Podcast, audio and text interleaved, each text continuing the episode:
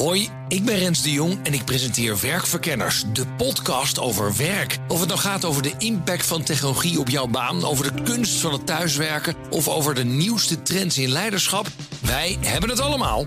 Luister iedere dinsdag om 3 uur naar BNR of wanneer maar wil op je favoriete podcastplatform. Werkverkenners wordt mede mogelijk gemaakt door Prescan. Prescan, ga voor je gezondheid. In de vorige aflevering van Stilte op het Binnenhof keken we naar de wekelijkse persconferenties. Die steeds live op tv en radio werden uitgezonden. Daardoor konden we onze boodschap, eh, natuurlijk met een gigantische megafoon, bij heel veel mensen in de huiskamer krijgen. 7 miljoen kijkers. De media maakten daarmee de essentie van de Nederlandse aanpak van het coronavirus mogelijk. Want veruit het belangrijkste deel daarvan was communicatie, uitleggen, overtuigen. Dus houd ook de komende uren en dagen, wat dat betreft, eh, de media in de gaten. Het beste voorbeeld daarvan is waarschijnlijk het sluiten van de horeca.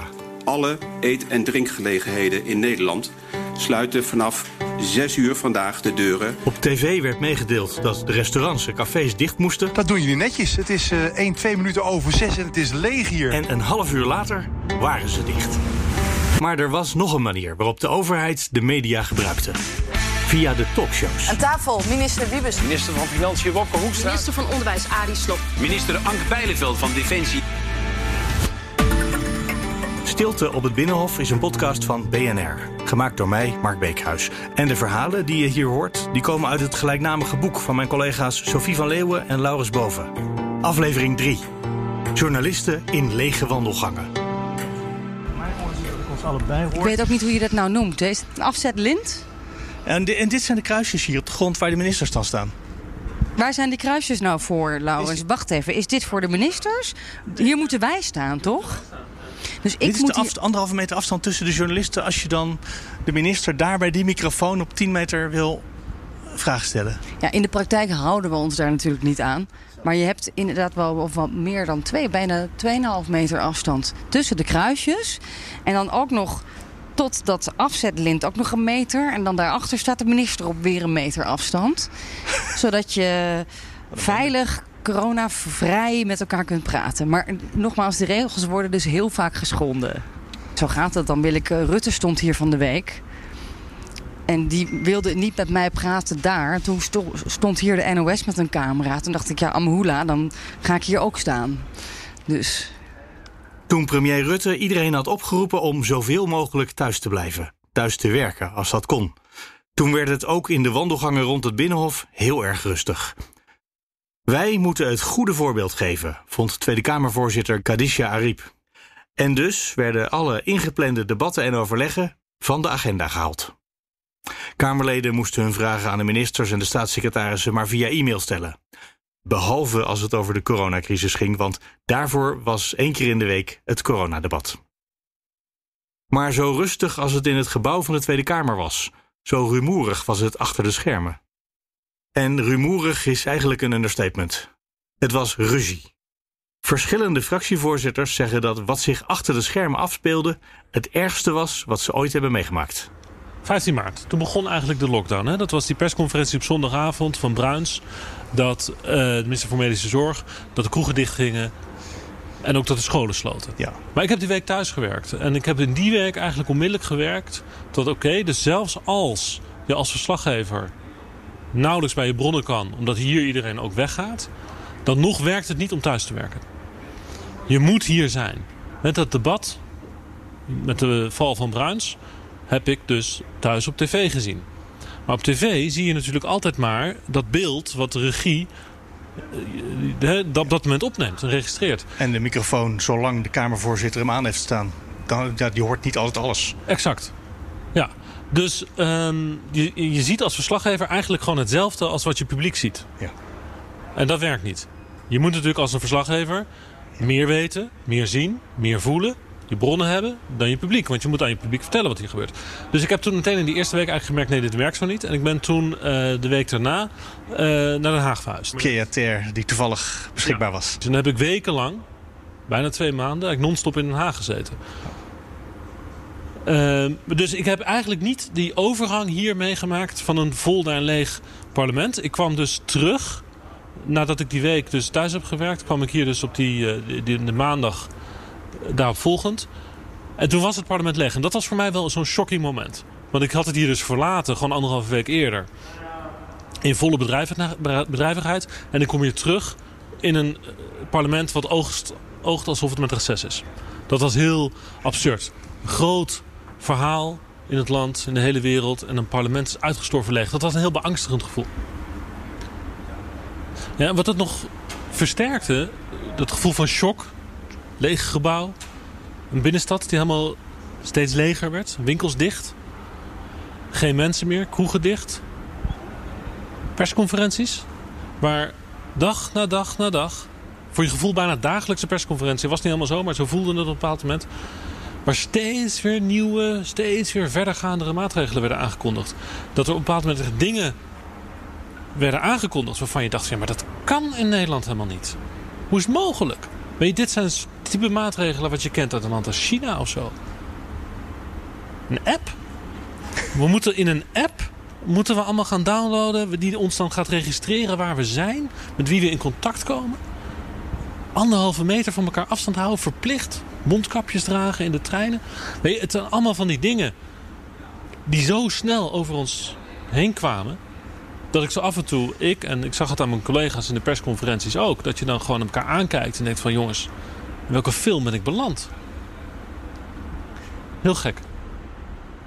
Nou, een van de eerste dingen die we hier signaleerden, dat waren die, die pompjes die je daar ziet. Met, uh, ja, wat staat er eigenlijk? Ontsmet hier je handen. Ja. die stonden er al wel eerder. Uh, toen het al een beetje begon te rommelen met die corona-toestanden. Maar goed, ik, ik, heb niet, ik kan me niet herinneren dat ik ooit mijn handen heb ontsmet. Want ja, dat namen we natuurlijk helemaal niet serieus. Ja, net hebben we dat gedaan. Ja, nu wel. Maar toen, begin maart, nee.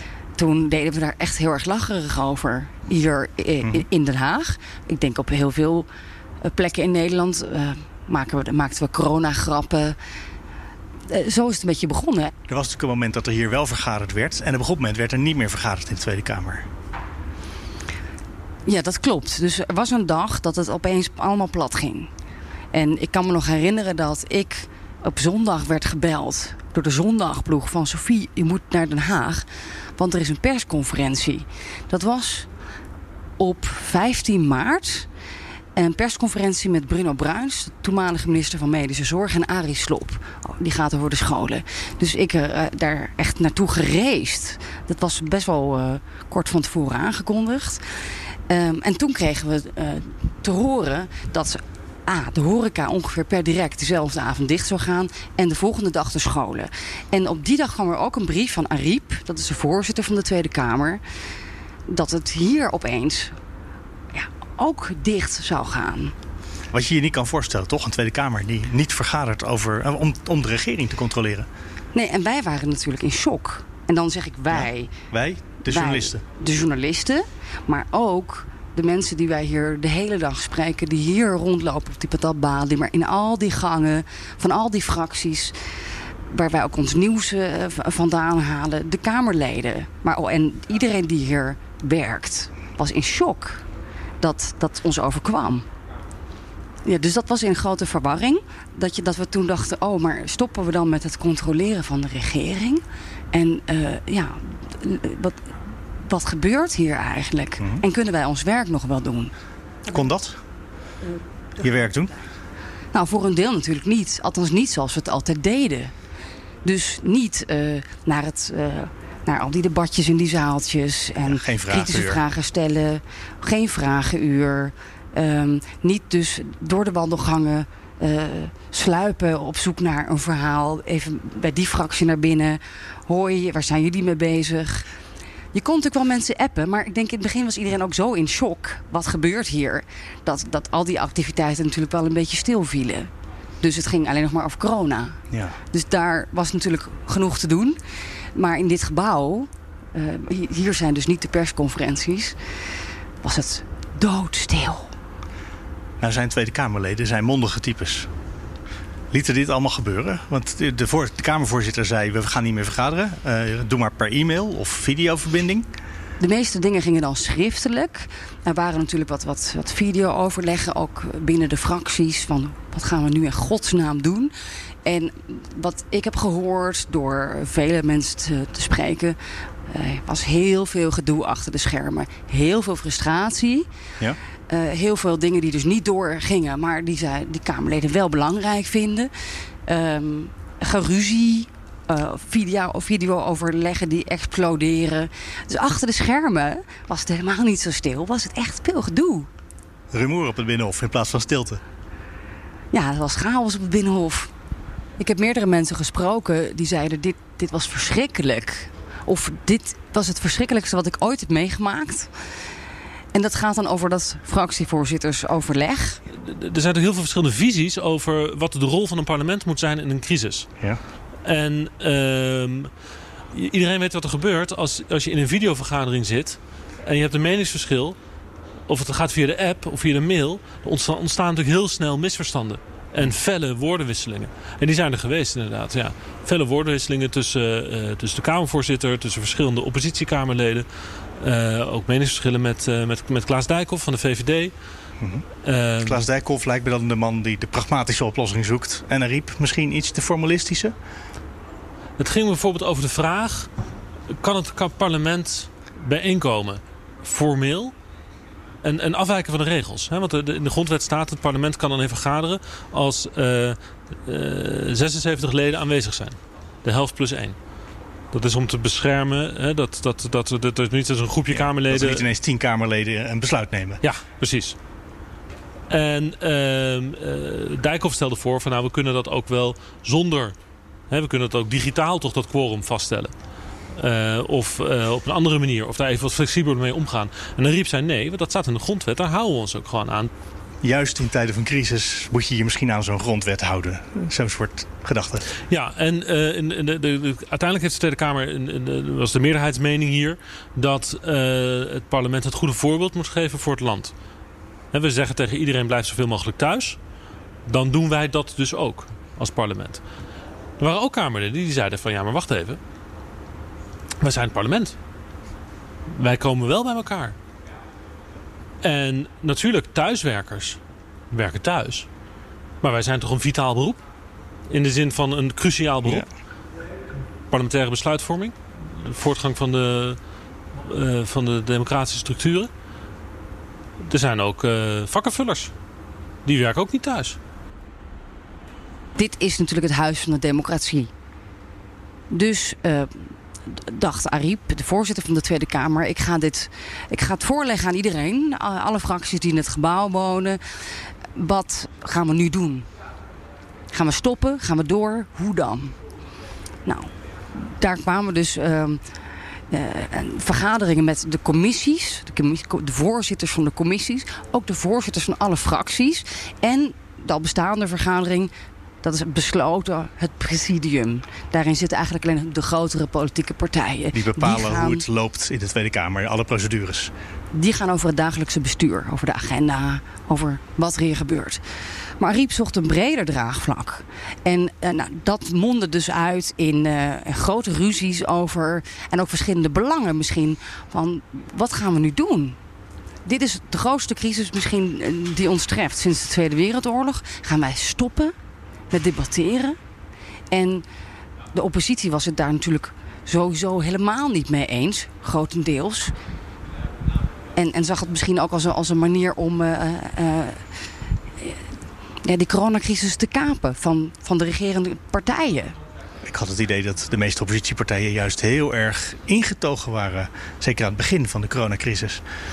Er zijn afspraken gemaakt, ook binnen de fractievergaderingen. Bijvoorbeeld bij GroenLinks. We gaan nu niet allemaal moties in, indienen. We gaan niet de regering of, uh, te veel voor de voeten lopen bij het bestrijden van deze crisis.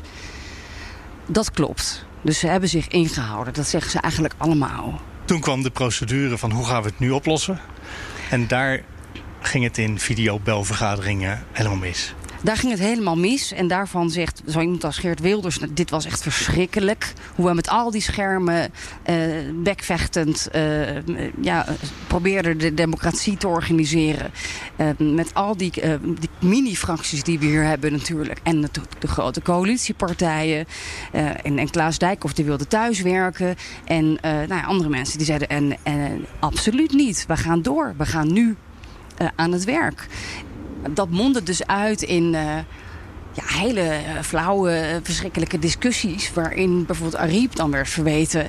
Ja, jij, je hebt allemaal overleggen bedacht. De fractievoorzitters, de commissies en dan heb je het presidium. Jij bent de enige constante factor in al die overleggen. Jij bent gewoon aan het shoppen tussen al die clubjes. Net zolang tot jij je zin krijgt. En ons de mond kunt snoeren.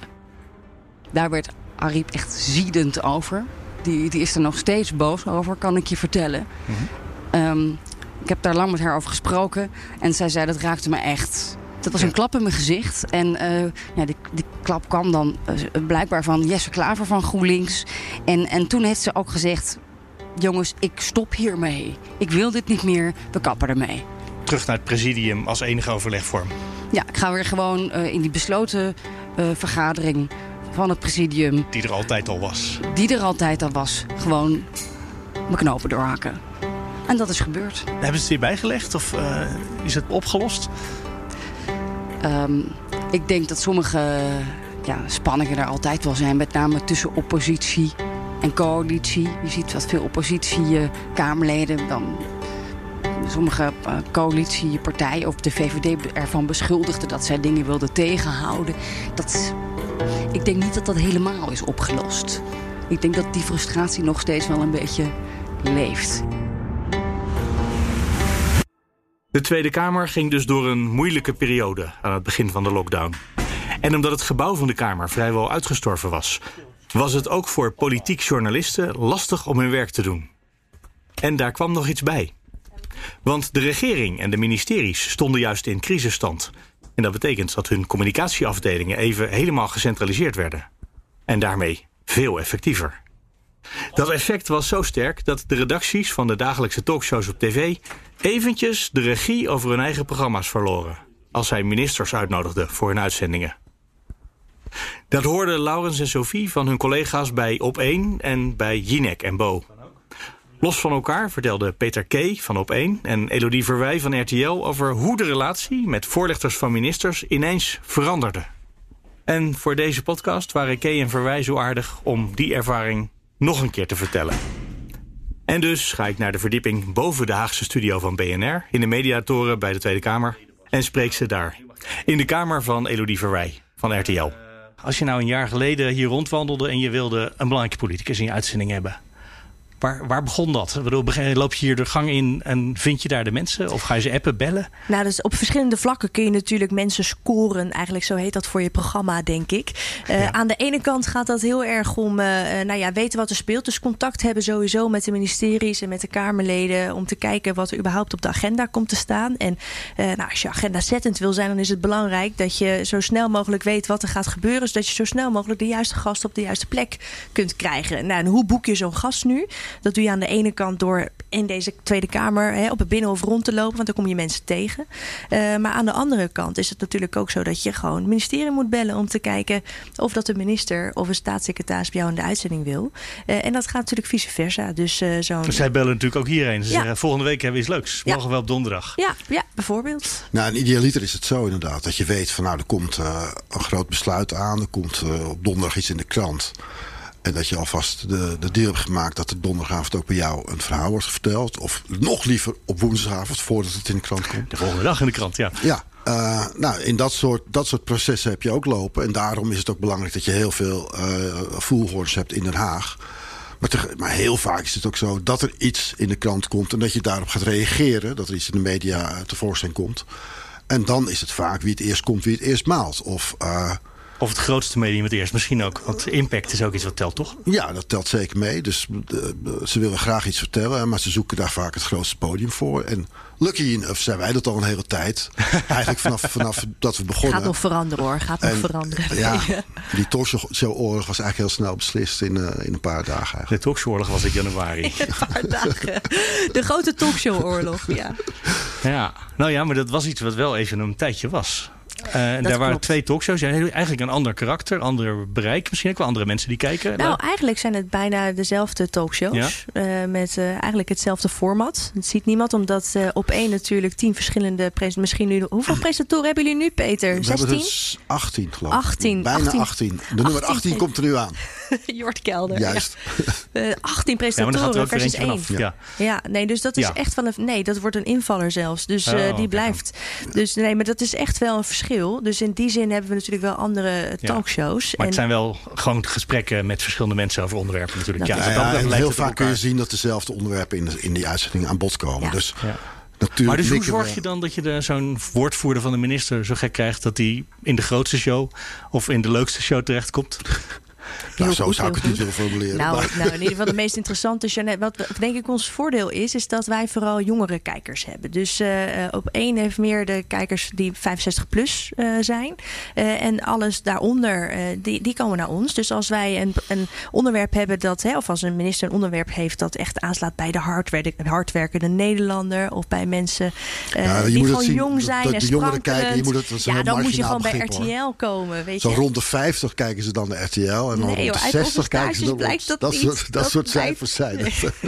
nee, maar, dat, maar dus, ja, zo kun je dus dat soort argumenten zijn er wel. En daar zijn ze ook gevoelig voor. Natuurlijk, kijk, als jij een boodschap hebt, bijvoorbeeld bij het steunpakket, uh, dan uh, gaat het toch echt wel om uh, mensen die werken. Ja, dan is het wel echt een heel interessant podium om dat bij ons te brengen. Hè? Ook al hebben wij dan misschien 200.000 minder kijkers. Uh, maar ja, dat is wel recht in de doelgroep. Ik vind het mooi hoe Elodie, en hoor ik een beetje hoe zij dat formuleert richting die bewindspersonen. Ja, echt fantastisch. Want hoe vertel jij dat?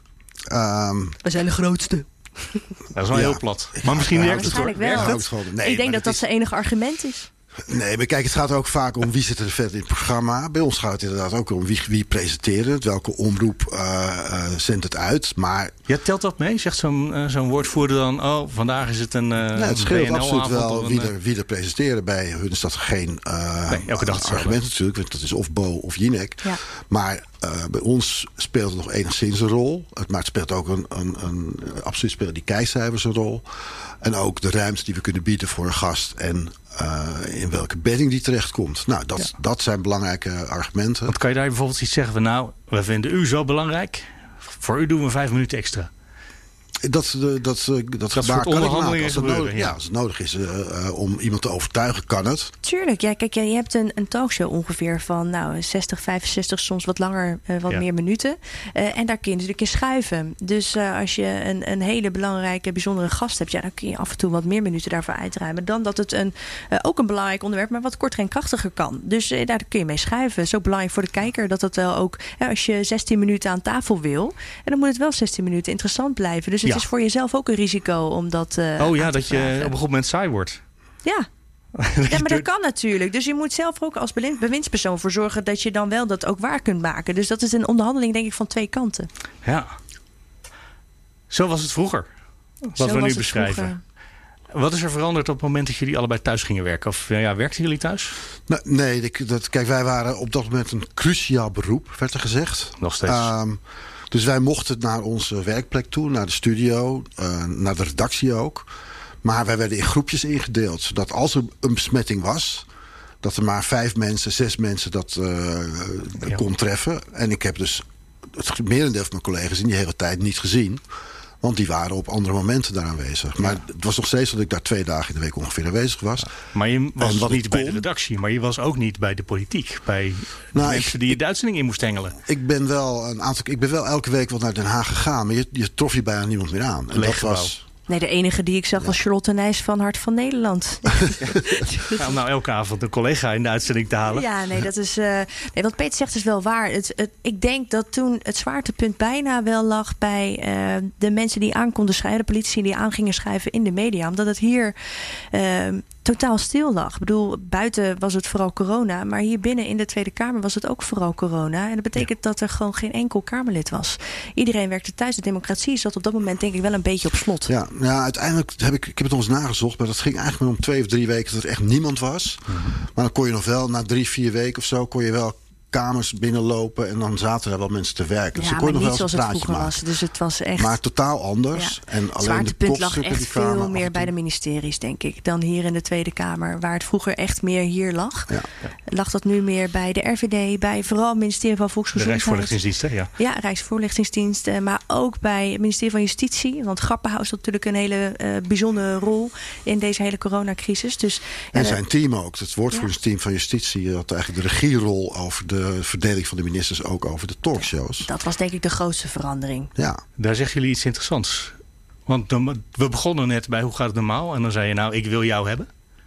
En nu klinkt het alsof ze verdeeld, alsof ze uitgedeeld werden. Vanavond hebben jullie meneer Grapperhaus. Oké? Nou ja, op, op een gegeven moment kwamen we erachter, toen kwam ik er tenminste achter eh, bij, voor ons programma, dat als ik een deal maakte met een woordvoerder, en, en een woordvoerder zei we willen graag bij jullie zitten, dat dat nog niet betekende dat dat ook gebeurde. Want eh, bij een later contact bleek dan van ja, wij mogen vanavond niet naar jullie toe, want jullie hebben al die en die minister zitten. Van wie niet? Van, wij wat? Nou, dus Oh. dan ga je vragen van hoezo, wie bepaalt het dan? Hoe kan, hoe kan we hadden toch een afspraak? Nee, zei diegene, de, de, dat we, worden, we hebben een overkoepelende eh, media-organisatie nu, zeg maar, de RVD, hoe heet het, het crisisteam? Ja, kijk, ik, mij is verteld dat dat vanuit de RVD kwam. Ik hoorde later dat dat misschien toch meer vanuit het coördinatiecentrum bij justitie kwam. Ja, Eh, zo was het maar, eh, maar uiteindelijk, kijk, normaal gesproken maak je een afspraak met een woordvoerder. En dan zit die minister of staatssecretaris s'avonds Ja, ook gewoon want bij dat is de tafel. woordvoerder van die ene minister. En nu kon dat ineens overruled worden. En dat was heel gek. Dus wat wij merkten is dat je na de MCCB, dat is die. eh, eh, Het crisisoverleg. Het crisisoverleg van het, eh, van het kabinet. dat er dan ineens een soort van focuspunt werd bepaald. En dat er dan s'avonds een minister van een andere portefeuille niet in de talkshow aan mocht schuiven.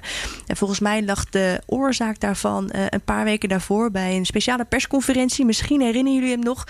met vier ministers. Ja, ja. die allemaal een andere, nou ja, ander topic kozen. Het was een hele verwarrende persconferentie.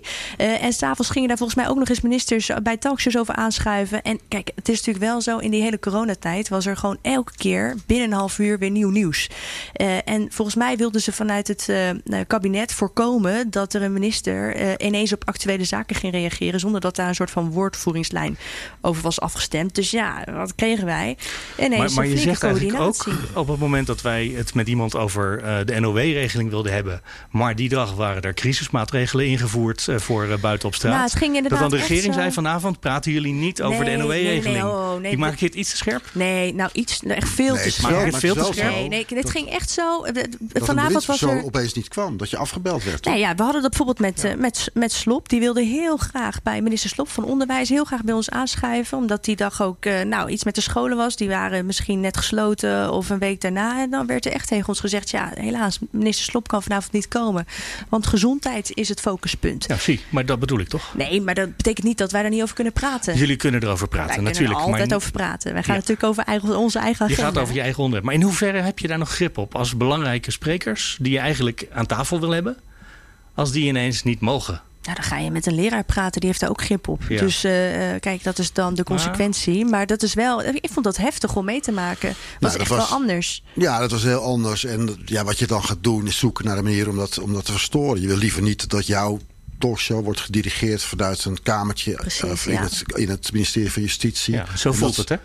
Zo voelde het even, ja. En eh, het duurde dus nou eh, een week of twee voordat we door hadden dat die woordvoerders niet meer alleen erover gingen. Nou, dan ga je kijken wie heeft dan de regie wel. Nou ja, toen dacht ik, oh, dat zijn die mensen van justitie. Dus dan ga je daarmee appen. En, en bijna voor de grap zeggen, wie hebben jullie vanavond voor ons in gedachten? Maar ondertussen ga je ook... Dan snappen ze wel dat dat een grap was, of niet? ja, en dan komt er geen antwoord Een op. zuur grapje, ja. Ja, dus of, of een beetje uitgelachen worden of zo. Maar ehm, dat, dat, hielp, dat hielp niet daadwerkelijk. Nee? Maar met die woordvoerders ging je ook zoeken naar wat zijn dan de openingen die er wel zijn. En oké, je mag niet op dit onderwerp. Maar als we het onderwerp nou een klein beetje kantelen. Oh ja, dan kan het wel. Dus langzamerhand kon je wel deeltjes sluiten met die woordvoerders... die het ook super irritant vonden. Dat ze nou, niet dat was het ook. Hè, want niet alleen wij vonden het irritant, maar die ministers zelf vonden het natuurlijk ook irritant. Want alle Dat ze ging- ingedeeld waren. Nee, nee, het ging niet eens om ingedeeld worden. Het ging om niet aan tafel mogen zitten. Mhm. Dus dat indelen was niet eens. Dat is denk ik maar twee keer gebeurd. Ah, oké. Eh, dat indelen is volgens mij veel groter gemaakt dan het is. Het gaat er echt om dat ze nee zeiden, jullie mogen niet. En zij dacht, ja hallo, ik ben toch gewoon minister. Doe even normaal. Ik kan toch gewoon aanschuiven in een talkshow als ik dat wil. Mhm. En dat, dat werd tegengehouden. Ja, en daar wisten we toch wel weer gaatjes in te vinden. Natuurlijk. Ehm, Hoe lang duurde dat voor je het eigenlijk door had en voor je daar grip op 1, kreeg? twee weken denk ik. Maar Ja, voordat je daar echt grip op kreeg. Ik denk, dan, ik denk dat we daar wel drie weken in hebben gezeten. Drie, ja, vier weken. je dan een goede smoes kunt bedenken in samenwerking met zo'n woordvoerder... die ook langzamerhand steeds meer moet durven. Want Ja. Even die heeft gelijk na die ene mislukte persconferentie... waarbij bij met name minister Grapperhaus geen eh glansrol speelde. 1 juni. Ja, die persconferentie. Toen, toen ontstond die regie erop. En toen was iedereen even als de dood. Dat ze, dat ze zich daar wel... Ze moesten zich allemaal eventjes aan de centrale regie houden. En dat... Na verloop van tijd werd het allemaal weer... Ja, op een gegeven moment worden ze ook rebels en denken ze, joh, we gaan weer gewoon ons eigen plan. Ja, zij trokken samen op. Deden jullie dat op dat ogenblik ook? Of Nee, blijf joh, je dan wij, toch eh, elkaar de tent uitvechten Nee, achter de schermen? wel, je merkte wel dat het, dat het echt niet zoveel zin meer had. Want er zat ook een duidelijke eh, idee van... eh, we willen het publiek informeren. En ze, ver- ze verdeelden ook bewindslieden over onze programma's. En dan kon het wel zijn dat wij die avond eh, per se op Hoekstra wilden... ehm, en zij ook. En dan een van ons twee had hem dan ook. En dan kreeg de andere kreeg een andere minister toebedeeld. Eh, Ik moet wel twee keer zeggen dat wij twee keer onze FAVO-minister hebben gekregen. Zeg maar die twee keer dat het echt werd toebedeeld. Dat ze hadden bedacht van tevoren. Oh, weet je, er komt een steunpakket. En er zijn drie ministers die daarover gaan. Dat Ja. betekent dat ze dus bij en Nieuwsuur en bij RTL en bij Op1 moeten zitten. Ja, god. En wij wilden de eerste keer Hoekstra. Want dat is toch wel de gave minister van Financiën. En die zat toen bij ons. En de tweede keer dachten we, nou, dan willen we nu Wiebes. En toen zat hij ook bij Ja, ons. heel grappig, want wij hadden ook het idee dat we twee keer onze favoriete minister aan tafel hadden. Dus dat werkte uitstekend, die verdeling. Zonder dat we elkaar hoefden, de tent uit hoefden te elkaar vechten. helemaal niet te bevechten. maar ik wou toch nog even, want eh Elodie vond het net een beetje te scherp. Maar raakten jullie een heel klein beetje toch de regie op het programma kwijt? Ten koste van de overheidscommunicatie? Nee, nou kijk, ik, het is nog iets anders wat ik even heb nagekeken. Maar ik zag ook wel dat we, eh, zeker in de eerste week... dat het programma ook wel een bepaalde eh, visie had... Om, op hoe we hiermee om moesten gaan. Dus ja, we wilden bewindslieden dolgraag aan tafel hebben. Eh, politiek was superbelangrijk, want er was een situatie ontstaan... die we niet kenden van hiervoor. Eh, alle bewindslieden hadden ook. Veel bewindslieden hadden iets belangrijks te melden. Je had wel een topje van de verlanglijst. Nou, daar stond Rutte bovenaan. En Hugo de Jonge als, als snel als tweede. Nou, ja, Bruins- Bruins natuurlijk. Ja. Ja. En daarna Hugo de Jonge. Ja. eh, nou, Bruins deed wel veel media. Hugo de Jonge hield het op afstand. En daaronder had je een aantal ministers. Die, die, eh, Slop was natuurlijk heel belangrijk toen eh, de deuren van de scholen dichtgingen en zo. Ja. Ehm, en Wiebes bij de anderhalve meter samenleving die ineens werd en maar de toon van de redactie, die, die eigenlijk altijd scherp en wantrouwend is ten opzichte van de bewindslieden, was op dat moment, en ik zag ook dat het van hoger af werd gedeeld met ons. Jongens, laten we even eh, onze, onze informatievoorziening voorop zetten. En niet Minder per scherp se, debat, meer Nou, uitleggen? meer, meer eh, ook geen paniek zaaien, weet Ja. je wel. Dus Dat was wel mijn tekst in het boek hoor. Nee, nee maar ik denk serieus, dat, is dat dat heel... wel echt jullie opzet geweest? Nee, om- kijk, niet dat je, de, kriti- dat je de, de kritische toon eraf haalt. Maar er is ineens echt chaos in het land. En er is een crisissfeer. Ja, en dan moet je er wel voor kiezen. Ga je daar dan in mee? En ga je dan mee in mensen die zich heel erg zorgen maken? Of denk je, hé, hey, wij kiezen voor autoriteiten aan tafel. Dat is natuurlijk heel fijn met ministers. Maar daar heb je ook ineens virologen. eh, andere soorten wetenschappers. En Ernst Kuipers en Diederik Gommers. Dat zijn allemaal types die eh, toch wel met veel autoriteit dingen konden vertellen in die, in die hele gekke tijd. Dus we, daar zijn wij volgens mij denk ik allebei op teruggevallen. Nou, in eerste instantie merk je gewoon dat, jullie dat ja. de behoefte was aan informatie vooral. En kijk, het normale mechanisme is zo dat we best dat we ook willen informeren. Die ministers willen graag wat vertellen. Mhm. Maar eh, bij ons is, is, bij mij zit altijd in mijn achterhoofd. Oké, je mag je verhaal vertellen, maar wat, eh, wat schuurt er? Wat klopt er niet? Wat is. Wat moeten we nader uitzoeken? En dat, is, dat doen we altijd voor een gesprek. We laten niet iemand zomaar zijn eh, kritiekloze informatie brengen. We zoeken ook altijd wat, waar het verhaal rammelt. Wat er, eh, een beetje, waar de losse eindjes zitten. Waardoor je ook werd het toch niet een klein maakt. beetje uitleggeriger in die weken? Ja, en dat, dat, En dat klinkt namelijk helemaal niet zo journalistiek. Nee, maar dat is wel ehm, wat, wat aan de hand was. Maar dat is toch wel een redactionele keuze geweest. Ook eh, om het publiek juist, uh, omdat er ook behoefte was aan die informatie. En omdat we helemaal niet wisten waar we in terecht waren nou, gekomen. Het was ook best moeilijk om uh, gaten te schieten hè, of uh, in, in een bepaald verhaal. Of om te kijken waar het schuurt, omdat niemand wist wat er aan de hand was. Ja. Wij hadden zelf natuurlijk ook te maken met een virus dat wij totaal niet kenden. Ja, en dan kun je, natuurlijk ga je dan vragen stellen en hoe zit dat dan? Maar dat is echt meer in de uitleggende zin. Veel vertel, eens, vertel ons alsjeblieft wat er aan de hand is en hoe we hiermee om moeten gaan. Uh, en ja, natuurlijk kun je dan je vraagtekens daarbij zetten. Ja. Maar er was helemaal geen tijd en ruimte om. Maar ik heb wel gezien dat het eigenlijk maar om tien dagen ging waarin ja. dat zo speelde. Dus vanaf het moment uh, van, ik meen de tweede persconferentie eigenlijk waarin gezegd werd dat we een soort lockdown ingingen. Uh, da daarna duurde het een dag of tien dat we echt uh, nou, heel rustig waren en, en, luisterden vooral. En toen begon ook de kritiek op de manier waarop die lockdown werd vormgegeven. Of dat nodig was, of die scholen wel dicht moesten. En vanaf dat moment heb je wel weer de, de gewone kritische interviews. Absoluut. Ja. ja. Dus maar was, dan nog ja. steeds denk ik vanuit ons, zeker zonder paniek zaaien. Dat, dat, toch? Dat, ik denk dat het bij jullie ook zo was. Maar dat is wel, wel echt een keuze hoor, geweest bij ons. En dat was eigenlijk goed?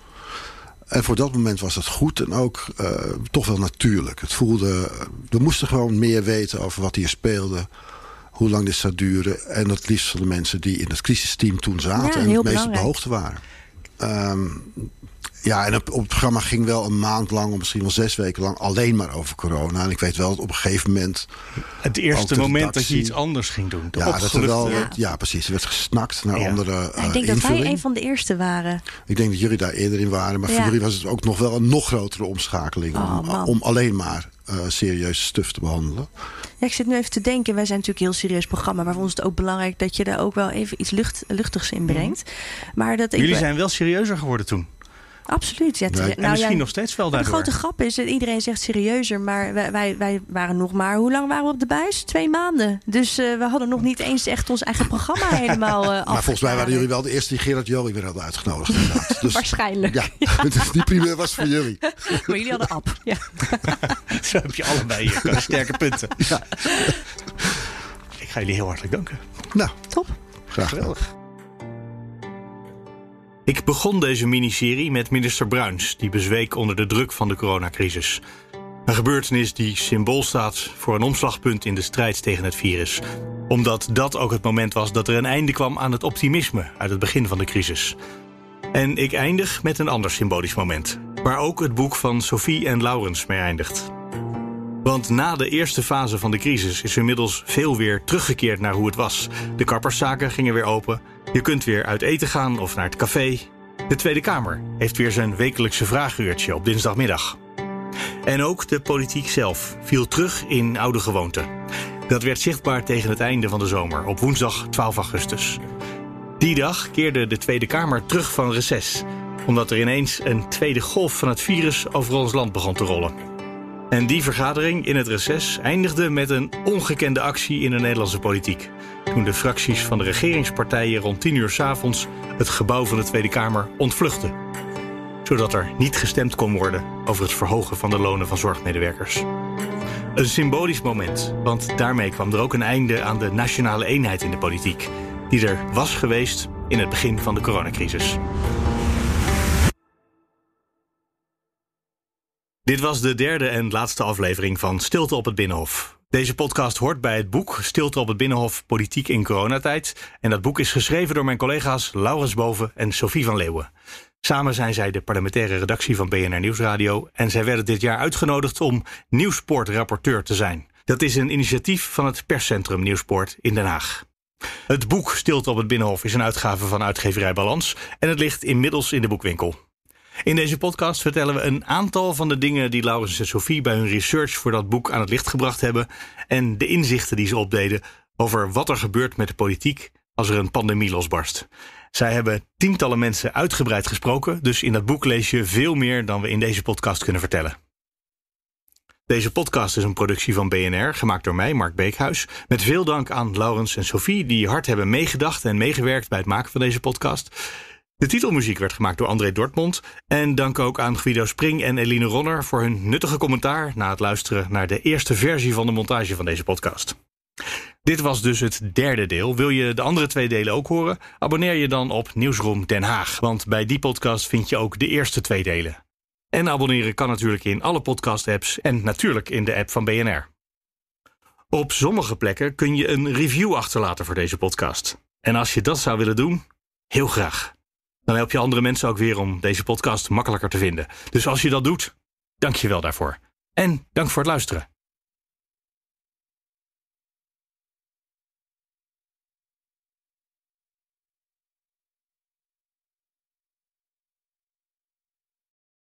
Hoi, ik ben Rens de Jong en ik presenteer Werkverkenners, de podcast over werk. Of het nou gaat over de impact van technologie op jouw baan, over de kunst van het thuiswerken of over de nieuwste trends in leiderschap, wij hebben het allemaal. Luister iedere dinsdag om 3 uur naar BNR of wanneer maar wil op je favoriete podcastplatform. Werkverkenners wordt mede mogelijk gemaakt door Prescan. Prescan. Ga voor je gezondheid.